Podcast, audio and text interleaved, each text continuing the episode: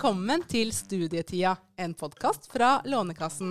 Jeg heter Hege Paulsen Brotner. Og jeg heter Hanne Bjertnæs. Og det her er podkasten der vi møter kjente mennesker og tar en tidsreise tilbake til denne deilige, kjipe, rare studietida.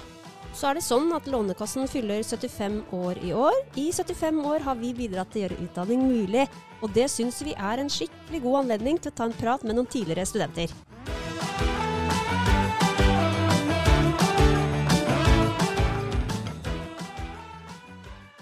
Da har vi hatt eh, besøk av Isabel Ringnes.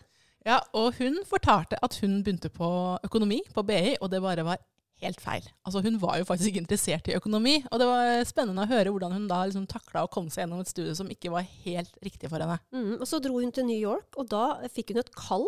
Hun forsto at det var teknologi hun skulle studere, og dette var jo på den tiden der vi fikk AI, VR, alle disse nye tingene kom. Og det hørtes så gøy ut å være liksom, i New York akkurat da det skjedde, liksom, på det eh, stadiet i historien. Jeg ble skikkelig sånn, eh, inspirert av å høre den fortelle. Mm. Skal vi høre på, da? La oss høre på Isabel.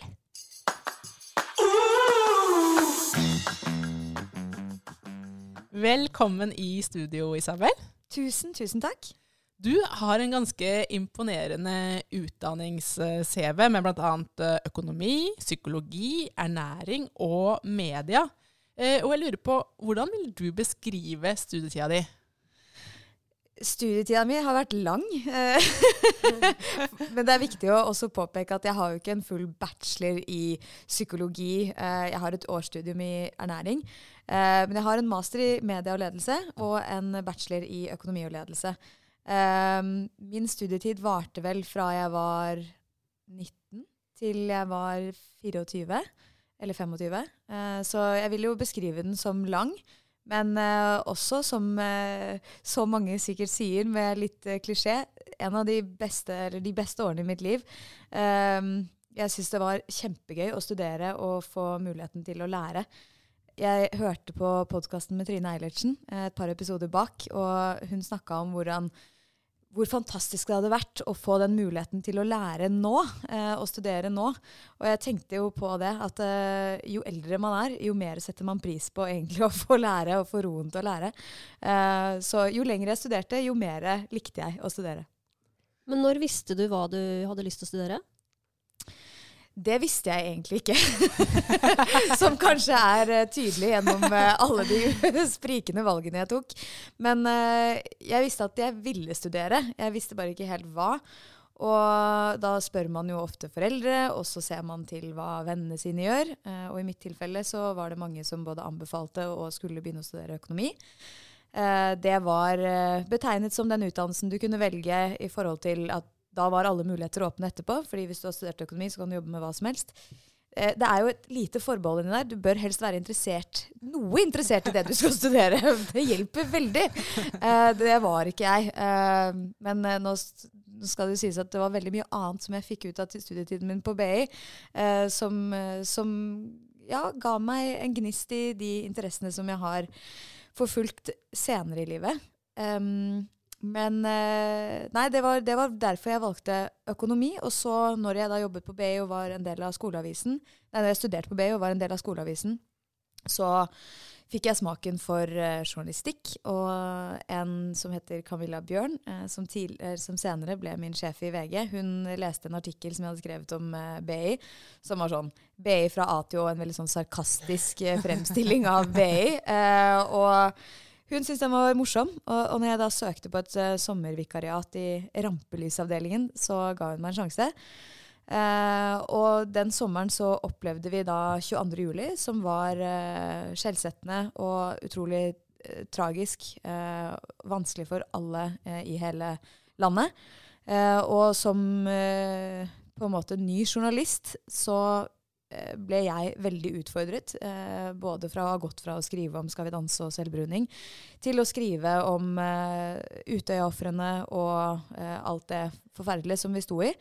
Men det ga meg også en enorm respekt for yrket, eh, og eh, en gryende interesse for eh, hvor, eh, hvordan media påvirker samfunnet, hvor viktig rolle media spiller, særlig i krisetider, hvor det er et helt enormt informasjonsbehov, umulig å mette. Eh, og de sjelene da, som står på i de ulike medieorganisasjonene for å sørge for at eh, sannheten kommer ut, og at det kommer ny informasjon hele tiden for samfunnet, og som satte liksom sine liv til side for eh, å ja, gjøre det bedre for alle som leser på utsiden, eh, og samfunnet som helhet, det, det, var for meg veldig inspirerende. og, og ja, førte da etter hvert til at jeg søkte meg til en master i media management i New York. Mm, mm. Så veien blei på en måte litt til mens du gikk, da?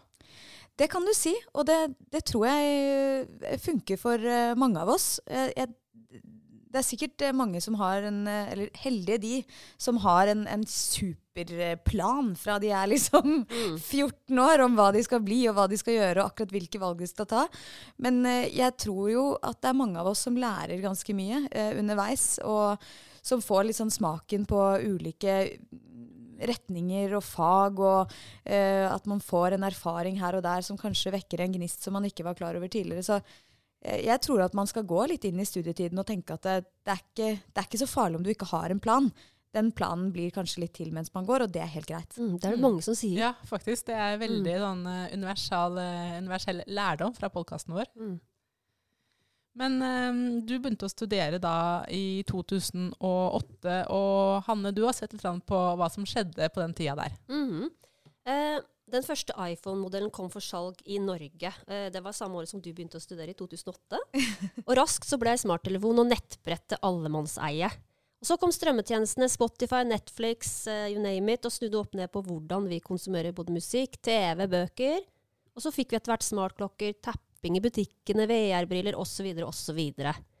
Eh, og du var jo i USA de siste årene av studietida di. og Hvordan opplevde du det at uh, disse teknologiske duppedingsene plutselig bare revolusjonerte alt?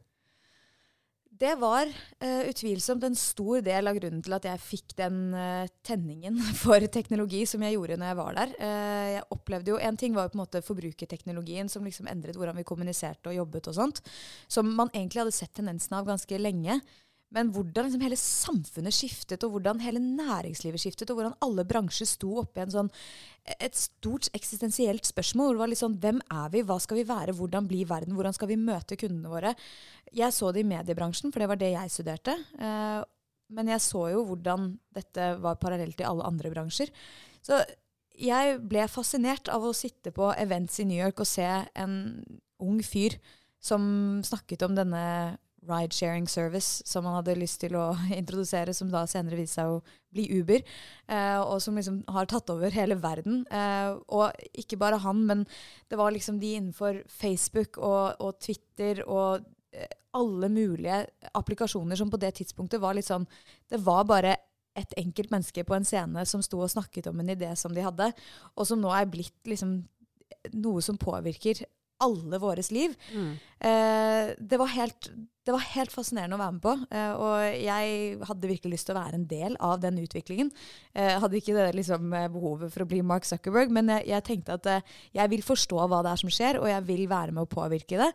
Og etter hvert så ble det tydelig at mitt kall var kanskje å få enda flere til å forstå hva som skjer, altså fra et kommunikasjonsperspektiv, og få med flere inn i den utviklingen. For jeg hadde jo liksom ikke valgt å studere teknologi, jeg er jo ikke teknolog av utdanning. Eh, men jeg ville veldig gjerne ha flere jenter inn på det studiet. Jeg, ville, jeg skulle ønske at flere oppfordret meg til å studere teknologi. Det var det ingen som gjorde. Eh, det var igjen da økonomi. Eh, og når jeg ser på studiene både da, men også fremdeles, så er det ekstremt mannsdominert. Så jeg mistenker at det har vært eh, ganske mange andre hjem også som heller ikke har oppfordret døtrene sine til å gå i den retningen.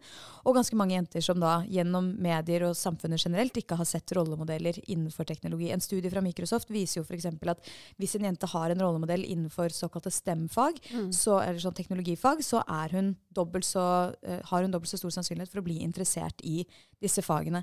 Så så det ble på en måte et viktig kall, og også grunnen til at jeg da startet Tenk senere. Eh, teknologinettverket for det, kvinner. Det høres ut som du var i USA på helt riktig tid. Ja, jeg føler det. Mm. Det må ha vært en utrolig morsom tid også å studere media sånn litt i stort da, på, når det er så mye omveltninger. Det var virkelig det. Um, jeg husker uh, Men jeg ble satt på plass, altså. For jeg, når, uh, når, jeg først begynte å studere der, uh, så var jeg jo forberedt på at nå, nå skal jeg liksom sette meg inn i et klasserom, og jeg skal passivt eh, få informasjon, sånn som jeg var vant til fra, fra, skolebenken på BI. Så jeg satte meg inn der eh, en av de første skoledagene og lyttet til læreren og skjønte at det, det er ikke sånn det fungerer her. Eh, jeg trodde jeg skulle lære om litt sånn om media, men så ikke bare forsto jeg at det jeg trodde jeg skulle lære om, var ikke det jeg skulle lære om. Jeg skulle se hvordan teknologibransjen omveltet hele mediebransjen eh, og, og, åpnet for helt nye måter å uh, styre og informere på. Um, men i tillegg så skjønte jeg at det, her kan ikke jeg komme og sitte som en passiv elev uh, og lære. Her forventes det at jeg skal være en av bidragsyterne i klasserommet. Det forventes at jeg skal være superforberedt. Det forventes at jeg skal kunne uh, være med å utfordre uh, hva resten av elevene også er med på å lære. Liksom bidra til det totale liksom, utdanningsløpet. og det for meg var helt annerledes enn fra når jeg kom fra BI, hvor jeg jeg tror ikke lærerne visste hva jeg het engang. Jeg tror ikke de visste hva mange het. Uh, jeg tror det har endret seg. Uh, jeg tror det er mindre klasserom nå, og, så det er ikke noe mening å si noe liksom negativt om BI. Og det er en annen måte å lære på. Men for meg, uh, å komme til USA og bli cold-callet på den måten Isabel, hva tenker du om XYZ eh, som sto i avisen i dag, eller Isabel, hva føler du om den nye loven som ble innført der? Det var helt forferdelig. Men etter hvert veldig bra, for det er utrolig skjerpende. Og det tvinger deg til å, å være forberedt kontinuerlig, da. Mm, mm. Det høres jo faktisk veldig stressende ut. Ja, veldig stressende. Men også gøy. Men du, la oss starte litt med starten, som var eh, studiene på, på BI. Hvordan, hvordan, var det å være som fersk student eh, der oppe? Eh, da var jeg 19, rett ut av russetida. Eh, jeg hadde jo hatt et sånn arbeidsår mellom der, som man har. Men ehm, eh, jeg syns det var gøy på en måte, fordi jeg fant liksom Femme Fatal, jentekoret på BI. Det, var, det, var liksom, det er mine venninner i dag, og det var Helt fantastisk fint miljø. Um, men samtidig så var det, det var mye utvalg. Jeg hadde lyst til å engasjere meg mye. Jeg opplevde vel kanskje litt at det var litt sånn klikker, og det var liksom de kule og de litt mindre kule. Og det var liksom etablerte gjenger, og det har jeg aldri likt. Jeg syns det har vært mye mer eh, positivt å være i miljøer hvor alle liksom er litt ulike, og det ikke er noen som er kule og ikke kule. Og, så Derfor så har jeg gått på ganske sånne små skoler med eh, litt snåle folk. og det, det, har jeg, det, har alltid vært der hvor jeg har trivdes best. Og det opplevde jeg liksom ikke var helt sånn på Bay. Der var det ganske mange kule, og det var en norm, og det var litt sånn man skulle være på en viss type måte. Uh, og det trivdes jeg vel ikke så godt med. Uh, men derfor så fant jeg jo litt sånn min plass i den nerdete skoleavisen uh, og jentekoret som av natur liksom er litt nerdete, men som var veldig, veldig gøy. Så jeg syns det var gøy, men uh, også litt slitsomt. Men sånn faglig, du var litt inne på det i stad, at det var ikke helt fulltreffer? Jeg syns det var veldig vanskelig faglig, eh, faktisk. Jeg, eh, det var jo noen fag som jeg trivdes veldig godt med, sånn som eh, vi hadde en del engelske fag, og hvordan man skulle lære om ulike kulturer i forhandling og sånt noe. Eh, og ledelsesfag syns jeg var gøy, organisasjonsfag syns jeg var gøy. Men sånn bedriftsøkonomi og finans eh, Og det var, det var, noen helt forferdelige fag som jeg ikke husker navnet på engang. Men det var sånn Nei, det var, eh, det, var det, er bare, det er en helt ærlig sak. Altså, man er jo ikke eh, man, man, er ikke interessert i alt. Eh, og jeg tvang meg jo til å lære, og jeg tvang meg til å studere dette her. og eh, til å komme meg gjennom det. Men jeg mm. syns det var dødstøft. Og jeg vil, eh, jeg vil ikke kalle meg noe verdig økonom i dag. altså, sånn. Så ja, nei, jeg syns det var veldig vanskelig. Vurderte du å slutte på det faget, eller? Eller slutte på økonomi? Nei, jeg tror egentlig aldri jeg vurderte det. Uh, jeg var ikke sikker på hva annet jeg skulle gjøre. Um, og så tenkte jeg at det er det bedre å fortsette på det sporet her, hvor jeg helt sikkert lærer masse på et ubevisst plan. Jeg blir ikke noe ekspertøkonom, men jeg får masse annet utbytte her, uh, uten at jeg kanskje vet nøyaktig hva det er nå. Eh, både i form av flere venner og et nettverk, og jeg lærer jo å lære. Og jeg lærer jo å stå i ting som jeg ikke kan. Og, og ja, det er mye man får ut av studiet, selv om man kanskje ikke elsker det man studerer. Og i og med at jeg ikke hadde en klar plan for hva ellers jeg skulle gjøre, så var det egentlig naturlig for meg å bare stå det løpet ut. Og jo lengre jeg på en måte hadde vært i utdannelsen, så tenkte jeg ok, nå må jeg i hvert fall på en måte bare bli ferdig med det, så jeg i hvert fall har den, har den bacheloren, så jeg kan gå videre på en, på en, master. Og det er jo fordelen i USA, at du kan jo ta en master i noe annet enn det du egentlig har en bachelor i. Ja, Så da slapp du noe mer av de her eh, tallene? Ja, egentlig sa det. Men uh, har du um, noen råd til andre som kanskje også opplever at studiene um, ikke var helt det de så for seg, og det blei litt, litt, tøft, men de skal prøve å komme seg gjennom? Du liksom, fikk du noen sånn hacks som gjorde at du klarte det? Uh, ja, jeg syns jo Altså noen ganger så skal man slutte. Det er liksom ikke noe skam å snu. Eh, hvis det er helt katta, du skal aldri jobbe med det, du syns det er dritkjedelig, du gjør det ikke noe bra, du trives ikke på skolen, så slutt. Livet er for kort. Mm. Eh, men eh, hvis det er litt sånn at det, det, er ikke helt det du så for deg, noen fag liker du, andre fag liker du ikke, du har ikke en tydelig plan og sånt noe, så er jo mitt råd å prøve å se det positive i det som er positivt, eh, og stå i det så lenge du på en måte orker. Altså det er jo alltid Det er ingenting som er så vondt som at det ikke er godt for noe. Og jeg har masse positivt å se tilbake på eh, på BI, som ikke omhandler liksom akkurat de fagene jeg ikke likte. Det er jo litt glemt. Eh, det er sånn jeg sier til mm. dere nå, at det, var ikke, det, var ikke, mine sterkeste fag. Men herre min hatt, så gøy det var å gå på BI. Jeg hadde masse fine opplevelser der. Lærte masse av det. Eh, og om det er mennesker eller studenter som går på andre fag, og som liksom er veldig glad i miljøet sitt, eller ser at de kan kanskje ta noen andre fag her, eller at de har muligheten til å engasjere seg i utvalg. det er jo mye tilbud når du er student som du kan kaste deg på, som bygger mm. CV og som bygger erfaring, eh, som da går utover studiene dine. Så jeg ville stått i det da, en, en, stund. Og hvis det fortsatt ikke blir bedre, og du fortsatt ikke ser at det er noe vits etter et års tid, liksom, så, så slutt. Men hva er de beste opplevelsene fra BI? De beste opplevelsene er med Femme Fatale jentekoret. 100 uh, vi, uh, Det var jo et jentekor, og så var det et guttekor. Og det var uh, mye både kjærlighet og konkurranser mellom oss, og det var veldig sånne sammensveisede miljø. Vi, hadde, vi bygget et eget korom over et helt år, hvor vi var uh, nede på Jeg husker jo ikke hva alle disse byggene her heter, og de heter sikkert noe helt annet nå, for det er jo blitt så fint inne i Nydalen. Det var det ikke på, på det tidspunktet. Men, men uh, vi, vi, la gulv sammen, og vi bygget bar, og vi alle sammen var liksom sammen eh, hver torsdag og fredag og lørdag, og vi hadde masse tema, temakvelder og taco tinto og spleiseaftener og fanfa-fest, hvor det var sånn at vi satte opp en stor forestilling hvor vi nærmest måtte betale vennene våre for å komme for å se på oss. men, men, altså, vi gjorde så utrolig mye gøy. Um, og, og, det verste er at vi er jo fortsatt gode venner. Uh, og når vi treffes, så så slår vi jo til med en sang både i tide og utide. Eh, sangene sitter. Sangene sitter fortsatt. De forsvinner aldri. Åh, det høres uh, utrolig, utrolig, gøy ut. Altså, nå fikk jeg skikkelig sånn studenttid-nostalgi sjøl. Ja. men, men, du Isabel, jeg må spørre deg, fordi uh, du er jo dattera til Kristian Ringnes og kommer fra en annen liksom, økonomisk bakgrunn enn studenter flest. Og hvordan tror du det har påvirka studietida di? Uh, sånne spørsmål er alltid litt vanskelig å svare på fordi at jeg bare har det ene perspektivet. Uh, men uh, jeg har vært for å si det sånn, den eneste i vennegjengen som har vært så privilegert.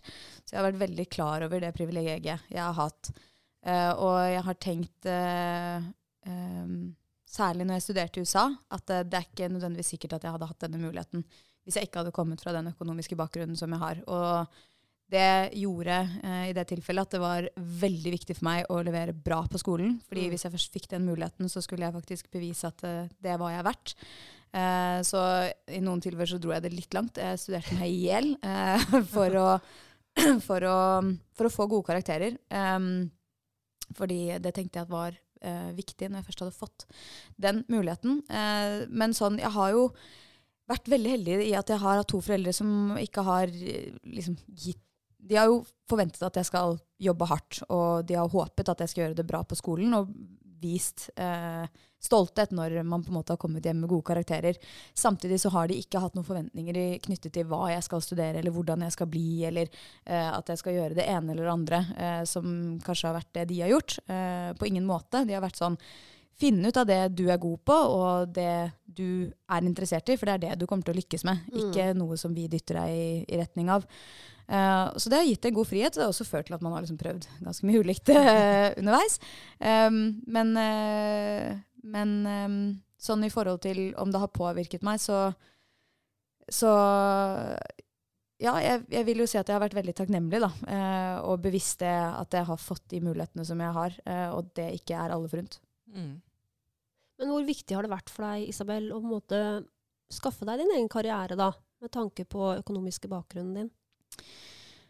Det har alltid vært veldig viktig for meg å skape eh, noe selv. Og så har det også egentlig ikke Det har egentlig ikke vært sånn at jeg har tenkt at dette har vært så viktig for meg, for jeg må bevise noe. eller noe sånt. Mm. Det har bare mer vært helt naturlig. Det har ikke vært noe spørsmål hjemme hos oss om at det, eh, ta en utdannelse fordi du skal inn i dette og dette konsernet eller inn i den og den rollen. Nå er jo liksom eh, selskapet til min far liksom skrudd sammen annerledes enn de fleste tror. Det, ikke, det hadde ikke vært naturlig at vi hadde gått inn der og overtatt hans rolle uansett. Men, eh, men eh, så for vår del, så, eller for kidsas del, så har det egentlig bare vært vi jobber jo med helt ulike ting. Eh, min søster med kommunikasjon, og min bror er gründer. Jeg er jo for så vidt også gründer, men jeg jobber jo også mye med ja, egentlig en kombinasjon av de to. Både gründer og kommunikasjon. Men, eh, men eh, vi har liksom det, det har alltid vært oppfordret til at vi skal gå våre egne veier. Mm. Så uten at det liksom har vært sånn veldig spesifikt uttalt mer viktig for meg enn noen andre, så har det vært eh, det helt naturlige valget å finne min egen karriere og, og gjøre min egen greie. Men, men eh, føler du at du hva skal jeg si, ble møtt på en annen måte av de andre studentene fordi du faktisk hadde råd til noe annet enn Grandiosa? Ja, altså, det kan du Jo, eh, det, de, den typen fordommer har jeg på en måte alltid møtt siden jeg var eh, veldig ung. Eh, men det har vært sånne rare ting. Det var mange som trodde at vi bare hadde Ringnesøl hjemme i krana. Så det var jo det var alltid en liten skuffelse når de kom hjem og sa at det ikke var sånn. Eh, men jeg tror jo at der må jeg berømme både min mor og min far i at de har jo vært veldig eh, veldig nøkterne eh, i måten de har oppdratt oss på. De har villet at vi skal eh, vite verdien av penger og sette pris på det. Eh, og eh, selv om vi fikk utdannelsen vår, eh, som var eh, som de sa til oss tidlig at den skal dere få, eh, så var det også sånn at de eh, budsjetterte jo liksom på samme eh, med samme liksom verdi da, som det alle andre fikk. Så det var ikke sånn at vi hadde noe mye mer enn noen andre. Eh, vi måtte sende budsjett hver måned for hva vi skulle bruke eh, penger på. Eh, hvor mye skolebøkene kostet, hvor mye eventuell en ny PC eller et eller annet sånt noe skulle koste. Så det var jo ikke sånn at vi liksom bare eh, levde i suss og dus. Eh, men eh, eh, Nei, så, så selv om det liksom har vært en økonomisk trygghet der, så har jo de gjort en veldig god jobb i å eh, ja, virkelig vise oss verdien av penger og gjøre oss takknemlige for, eh, for det privilegiet man eh, er blitt født inn i. Da. Mm. Men da du begynte å studere, flytta du hjemmefra da, eller? Det gjorde jeg. Mm. Eh, jeg flytta eh, inn i en leilighet sammen med en venninne eh, når jeg var 19. Ja, 19. Og hvordan var det? Det var helt konge. altså, når jeg var barn, så var jeg så sykt gira på å bli 18, for jeg var veldig ferdig med å ikke bestemme selv. Eh, jeg var liksom født eh, 18, føler jeg. Eh, sikkert foreldrene mine syns ikke det, men jeg ville liksom alltid bestemme selv og gjøre, og gjøre min egen greie. Um, men når jeg var 18, så kunne jeg jo liksom strengt tatt det. Eh, så når jeg da flytta ut, så, så var det liksom ferdig med innetider, og jeg kunne kjøpe hund, det gjorde jeg. Og eh, jeg kunne spise hva jeg ville, når jeg ville, og altså, det, Nei, jeg syns det var jeg hadde ikke en veldig streng oppvekst, eller noe, men jeg synes det var helt fantastisk. Eh, så vi hadde det kjempegøy i den leiligheten. Eh, så mye på Paradise Hotel sammen med gjengen. Eh, og ja, hadde mye sånn temakvelder. Eh, spiste veldig, veldig veldig mye frokostblanding. Eh, Martine, hvis du hører på, så vet du hva jeg mener. Det var, eh, var 20-30 bokser bortover som vi liksom handlet, fordi vi, tenkte vi måtte ha litt variasjon i kostholdet. Så vi hadde liksom ja, det jo det. All Brand og Krusli og Vitamix, og, så det var jo et veldig eh, flott eh, utvalg vi hadde der. Men det var jo ja, det var ganske ja, triste saker når man ser tilbake på det, men, men veldig gøy. Det funker jo. Ja, gikk det frokostblanding til alle måltider, da? Absolutt. Oh. Ja. det gjorde det. Oh. Jeg skjønner ikke hvor vi fikk verken vitaminer eller proteiner fra, men eh, det, det gikk jo greit. Um, og hvor lenge bodde du der? Vi bodde der i fem år før jeg flyttet Nei, fem år. Eh, tre år før jeg flyttet til New York. Ja. Men um, hvordan var uh, overgangen fra Oslo til uh, New York? Eh, helt fantastisk. Eh, For første gang så følte jeg, apropos det å liksom eh, bli møtt med fordommer, der, der var det ingen. Der kan du være og bli møtt for hvem du er. Eh, og for min del så var det en fantastisk anledning til å oppdage liksom, hva er mine egentlige interesser her. Eh, det er så mye kurs og så mye tilbud og så mye eventer, og det er så lavterskel for å utforske ulike interesser.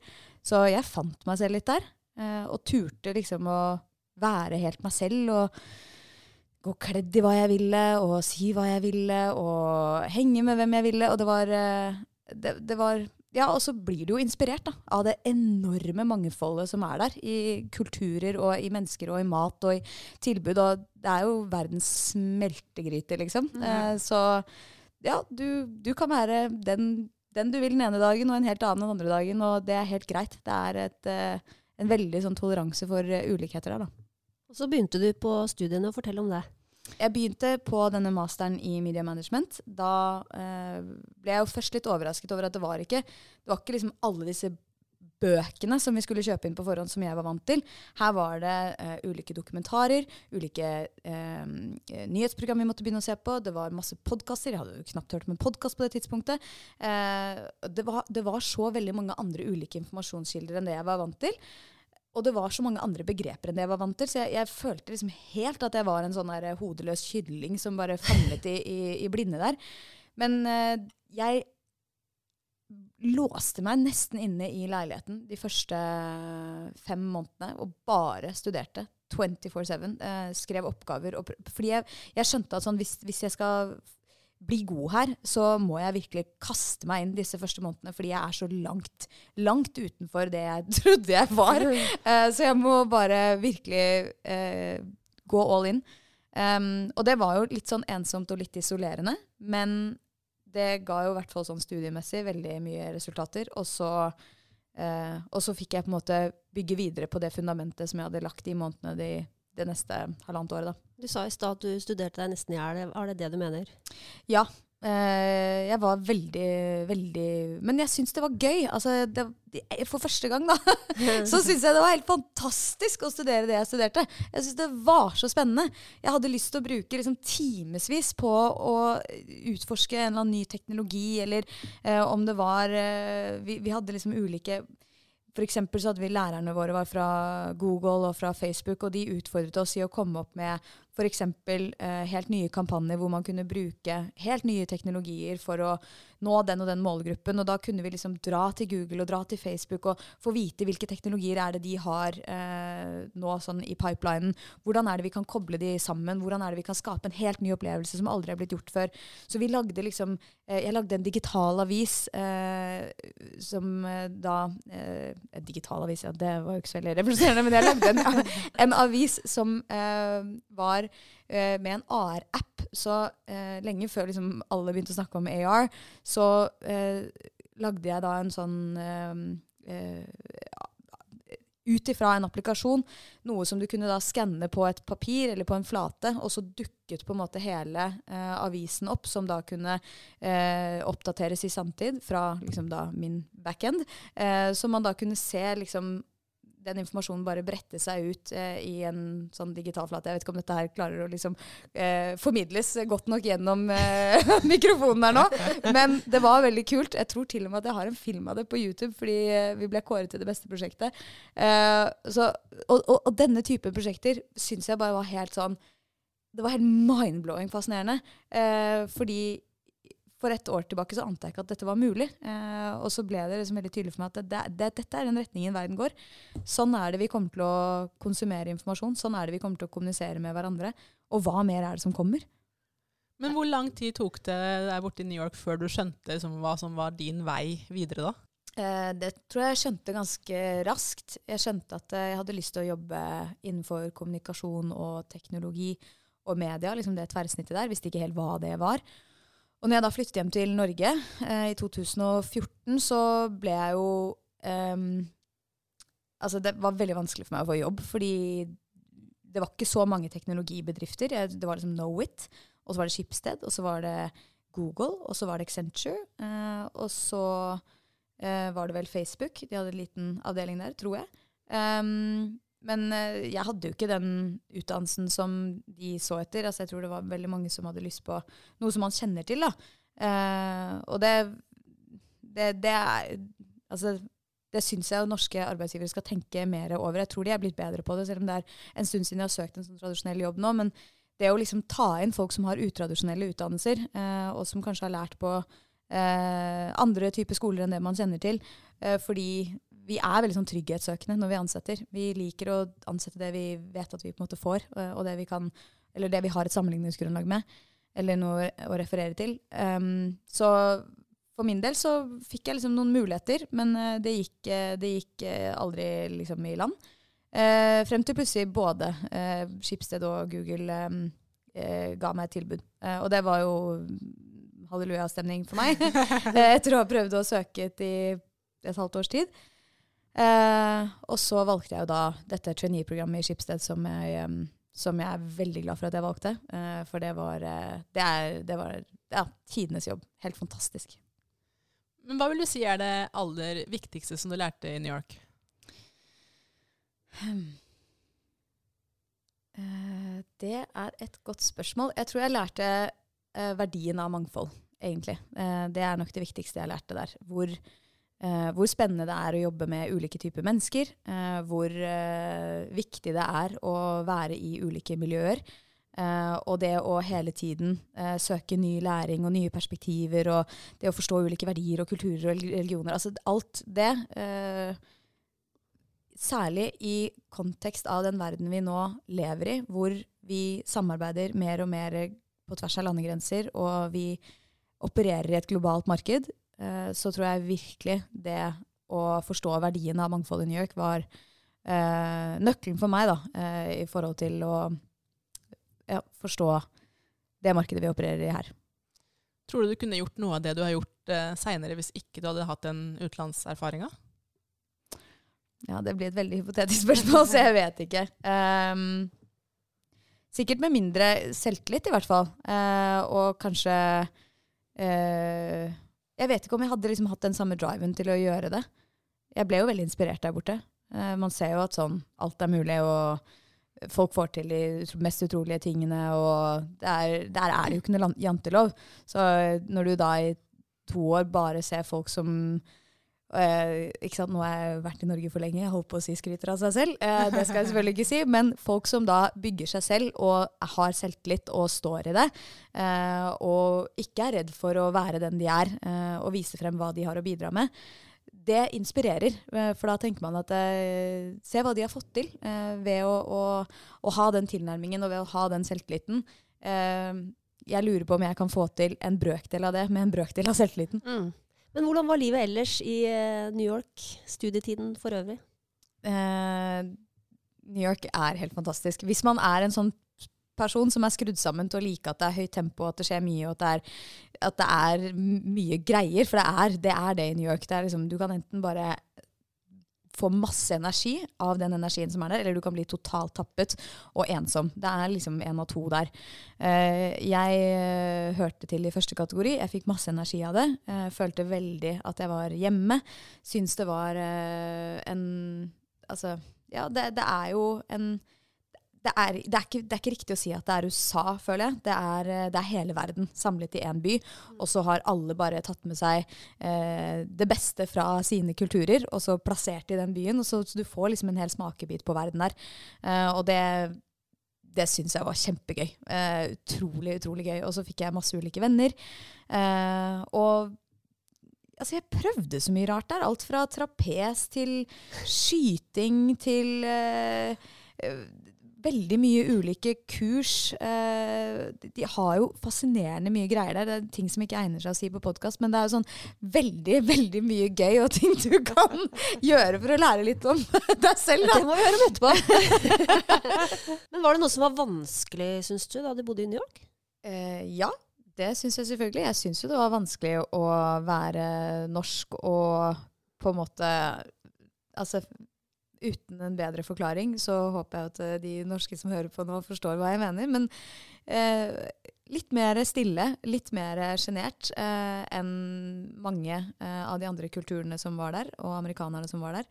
Eh, så følte jeg jo veldig mye på det som vi kaller for imposter syndrome.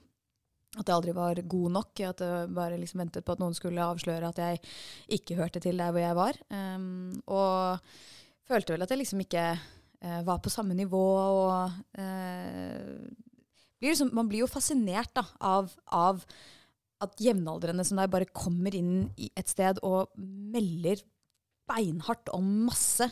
Og så er det sånn, det er, ikke, det er ikke sånn vi er oppdratt her i Norge. Vi, er, vi, har ikke det fra barneskolen og fra ungdomsskolen at vi blir tvunget opp på scenen og holde store foredrag og eh, argumentere for sakene våre og stå i liksom, ulike politiske debatter. Altså Selvfølgelig noen vidunderbarn gjør jo det, men de fleste av oss tror jeg i hvert fall ikke blir eksponert for det. Det gjør de i mye større grad i andre kulturer og i USA. I hvert fall enkelte andre kulturer. Eh, så for meg var det vanskelig mm. eh, å skulle navigere i en kultur hvor det var egentlig normen. Eh, og så være en litt sånn sjenert nordmann som ikke følte seg komfortabel med å ta den plassen. det, ja, det var en læringskurve. Men tror du du endra deg i løpet av året på det der? ja, definitivt. Definitivt. Noe handler jo bare om å bli tryggere i liksom, kunnskap. Eh, så når jeg da hadde de første månedene hvor jeg liksom kastet meg virkelig inn i materie, eh, og stadig følte at jeg, eh, jeg fikk mer respekt fra lærerne, eh, og jeg, jeg, fikk veldig gode karakterer, så skjønte jeg jo at ok, jeg har faktisk noe å komme med. Jeg har noe å bidra med her, og det bygget jo en selvtillit. og da følte jeg liksom at Og så var det sånn, jeg hadde ikke noe valg. Jeg ble bare tvunget opp. Eh, jeg måtte liksom snakke, jeg måtte opp og presentere. og så gjør man disse tingene, og så ser man at eh, oi, jeg døde ikke. Jeg lever fortsatt, eh, og det gikk fint. Og da får man jo en slags mestringsfølelse, og hver gang man gjør en sånn skummel ting og kommer over en sånn barriere og får litt mestringsfølelse, så blir man litt og litt og litt bedre. Så jeg så jo den kurven i løpet av det året. Kanskje ikke sånn fra dag til dag, men jeg opplevde jo det at når jeg hadde sommerjobb det året etter, at jeg var mye sikrere i de valgene jeg tok og de forslagene jeg kom med eh, i jobbsammenheng. Eh, bare fordi at jeg liksom hadde ja, lært meg at det, det, det, går bra, og jeg har noe å komme med som bygger den selvtilliten. Mm. Men du Isabel, når du ser uh, studietida di under ett, er du fornøyd med hvordan det blei? Veldig fornøyd. Veldig takknemlig, først og fremst. At jeg har fått uh, fått de mulighetene som jeg har, uh, og truffet alle de menneskene som jeg har, og fått lære eh, om de temaene som jeg har. Jeg takker studietida for at jeg liksom Altså, studietida er jo med å legge det grunnlaget for det livet du får senere. Eh, jeg sier ikke at det er riktig for alle å studere. men det å lære på den ene eller den andre måten, det er veldig, veldig viktig. så det å være liksom åpen for ny kunnskap, det å være nysgjerrig og holde den nysgjerrigheten. Fordi nå er, vi bor ikke lenger i en verden hvor det er sånn OK, du er ferdig med bachelor eller master eller ph.d., og da kan du på en måte bare seile videre. Verden i dag krever kontinuerlig læring, fordi mm. den endrer seg så ekstremt fort. Så eh, jeg må lære, dere må lære, vi må alle lære hele tiden. Eh, og på studiene så lærer du å lære på en veldig god måte. Eh, og ikke minst så lærer du å altså, You learn to unlearn. Eh, så det å glemme det du liksom kunne, og det å tilegne seg nye måter å gjøre ting på, er også like viktig. Mm. Men eh, nei, jeg vil jo fra min erfaring oppfordre alle til å studere. Fordi det bygger nettverk, eh, det gir deg venner, eh, det lærer deg å lære, eh, og du blir kjent med deg selv. Men hvis du skulle valgt, eh, valgt på nytt, ville du valgt det samme, tror du? Ja og nei. Jeg ville valgt det samme fordi jeg er veldig fornøyd med hvordan ting er blitt. Um, og vi mennesker er jo skrudd sammen sånn til at vi vil heller velge det vi vet, uh, enn det vi ikke vet. Mm, nei, fordi at uh, jeg skulle ønske at jeg kunne eh, kunne kode. Altså at jeg var en utvikler, så jeg kunne Mm. bygget alle de ideene som jeg har med mine egne hender eh, og min egen hjerne. Eh, jeg har alltid tenkt at det Altså det å bare gå fra at eh, eh, uh, ja, jeg skal starte dette, og så bare bygge det selv. Uh, det er en veldig uh, god dokumentarserie som er ute nå. Eller det er ikke en dokumentarserie, men det er en filmatisert dokumentar. The Playlist, med hvordan Daniel Ek uh, starta Spotify. Og hvordan han hadde denne, eller disse ulike ideene, og bare satte seg ned på rommet og koda de, og fikk de ut i markedet, og fikk testa de. Det er jo en det, det, det, det er en gave jeg virkelig skulle hatt. Eh, men så kan det godt hende at jeg hadde vært en helt ræva utvikler, så hvem vet. Og så kan det hende at jeg ikke hadde fått gjøre alle de andre spennende tingene som jeg hadde fått gjort. Så ja og nei. Men kunne det vært aktuelt å gjøre det nå, liksom? Seinere? Nei, jeg tror eh, Altså, jeg har jo tatt en del kodekurs eh, for å liksom forstå litt hvordan det fungerer. Jeg ville aldri eh, påtatt meg ansvaret å, å kode eh, en app for noen. Så jeg tror jeg de hadde funnet veldig mange andre flinkere folk til å gjøre. Men uh, jeg er jo egentlig ganske fornøyd med hva jeg gjør nå, og jeg tror at eh, jeg tror på at det jeg gjør er viktig. Mm. Og hvis jeg skulle sluttet med det for å gå en helt annen retning, når jeg, jeg elsker det jeg driver med, og liker veldig godt den retningen jeg er i, så ser jeg ikke helt, jeg ser ikke helt poenget med det, da. Men du har jo vært opptatt av at flere kvinner skal velge tech-fag. Hvorfor det? Ja, kvinner. eh, Jenter, da. Fordi ja. det er jo Jeg vil jo veldig gjerne at kvinner skal uh, lene seg inn og være med å forme uh, alt fra liksom bedriftene sine til de produktene de jobber med, til om det er markedsføring eller kommunikasjon med ny teknologi. Ikke lene seg tilbake og si at eh, nei, men dette her er det en eller annen tech-mann som finner ut av. Eller, liksom, ja, bare si at eh, jeg har aldri forstått meg på teknologi, jeg klarer ikke TV-kanalen. jeg drøller. Eh, jeg vil heller at eh, damer skal si yes, dette er noe jeg er dødsinteressert i. Eh, man kan godt anerkjenne for seg selv at man ikke er ekspert, men å i hvert fall være interessert og ville forme og ville påvirke, det tror jeg er viktig. Men eh, i forhold til da å få jenter interessert, eh, så er det jo nettopp for å få da flere jenter inn på teknologistudiene. Fordi vi har eh, for det første eh, altfor få utviklere eh, i Norge i forhold til det vi trenger, og det behovet blir bare større og større og større. Um, så vi er nødt til å utdanne veldig mange flere. I dag så er også eh, teknologistudiene veldig mannsdominert. Eh, heldigvis så er de blitt noe bedre. De har, eh, det har om lag eh, doblet seg eh, i forhold til jenter på teknologistudier i løpet av de siste ti årene. Eh, så det er veldig positivt. Vi går i riktig retning. Det går litt for sakte. Men teknologi er ryggraden i samfunnet. Teknologi styrer fremtiden. Eh, de som kan bygge teknologi, kan bygge fremtiden. Vi trenger at det er flere perspektiver, verdier, behov som er med når vi setter standarden for hva eh, fremtiden skal se ut, og hvordan de løsningene vi bruker eh, skal fungere. Og da er det viktig at også jenter er med. Eh, selvfølgelig er det det. Jenter og minoriteter. Eh, vi trenger et bredt mangfold, sånn at eh, vi faktisk eh, ja, får et inkluderende samfunn. Fordi vi risikerer i det skiftet vi står i nå, i det brytningspunktet vi står i nå, å bygge en verden og et samfunn som sementerer de allerede eksisterende forskjellene. Men du, nå må vi begynne å nærme oss uh, slutten her. Og vi har, um, vi har tre faste spørsmål som vi pleier å stille til alle gjestene. Ja, det er jeg som pleier å stille de, Hegge. Ja, kjør på. på. Uh, ei bok som har festa seg fra studietida. Uh, Good to Great eh, med Jim Collins. Um, en veldig god bok om eh, de ulike lederne i virksomheter som har tatt eh, virksomheter helt opp til liksom, verdenstoppen, og hvordan de har tenkt og hva de har gjort. ei låt fra studietida. Kar Karpe de hørte jeg en del på. De het jo Karpe Diem da, da men Ja. eh, de hørte jeg en del på. Mm. Uh, mm. Eh, du, smaken av studietida. Frokostblanding. Ja, jeg hadde en følelse at den kom. Tusen takk, eh, Isabel, for at du kom til oss og delte minnene fra din studietid. Det har vært så fint å få bli med både til Oslo og New York sammen med deg. Tusen takk for at jeg fikk komme. Det var kjempehyggelig.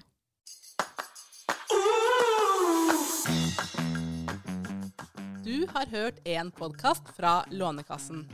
Hvis du har noen tilbakemeldinger til oss, ris, ros, spørsmål eller hva som helst, send oss gjerne en e-post på studietida krøllalfa lanekassen.no.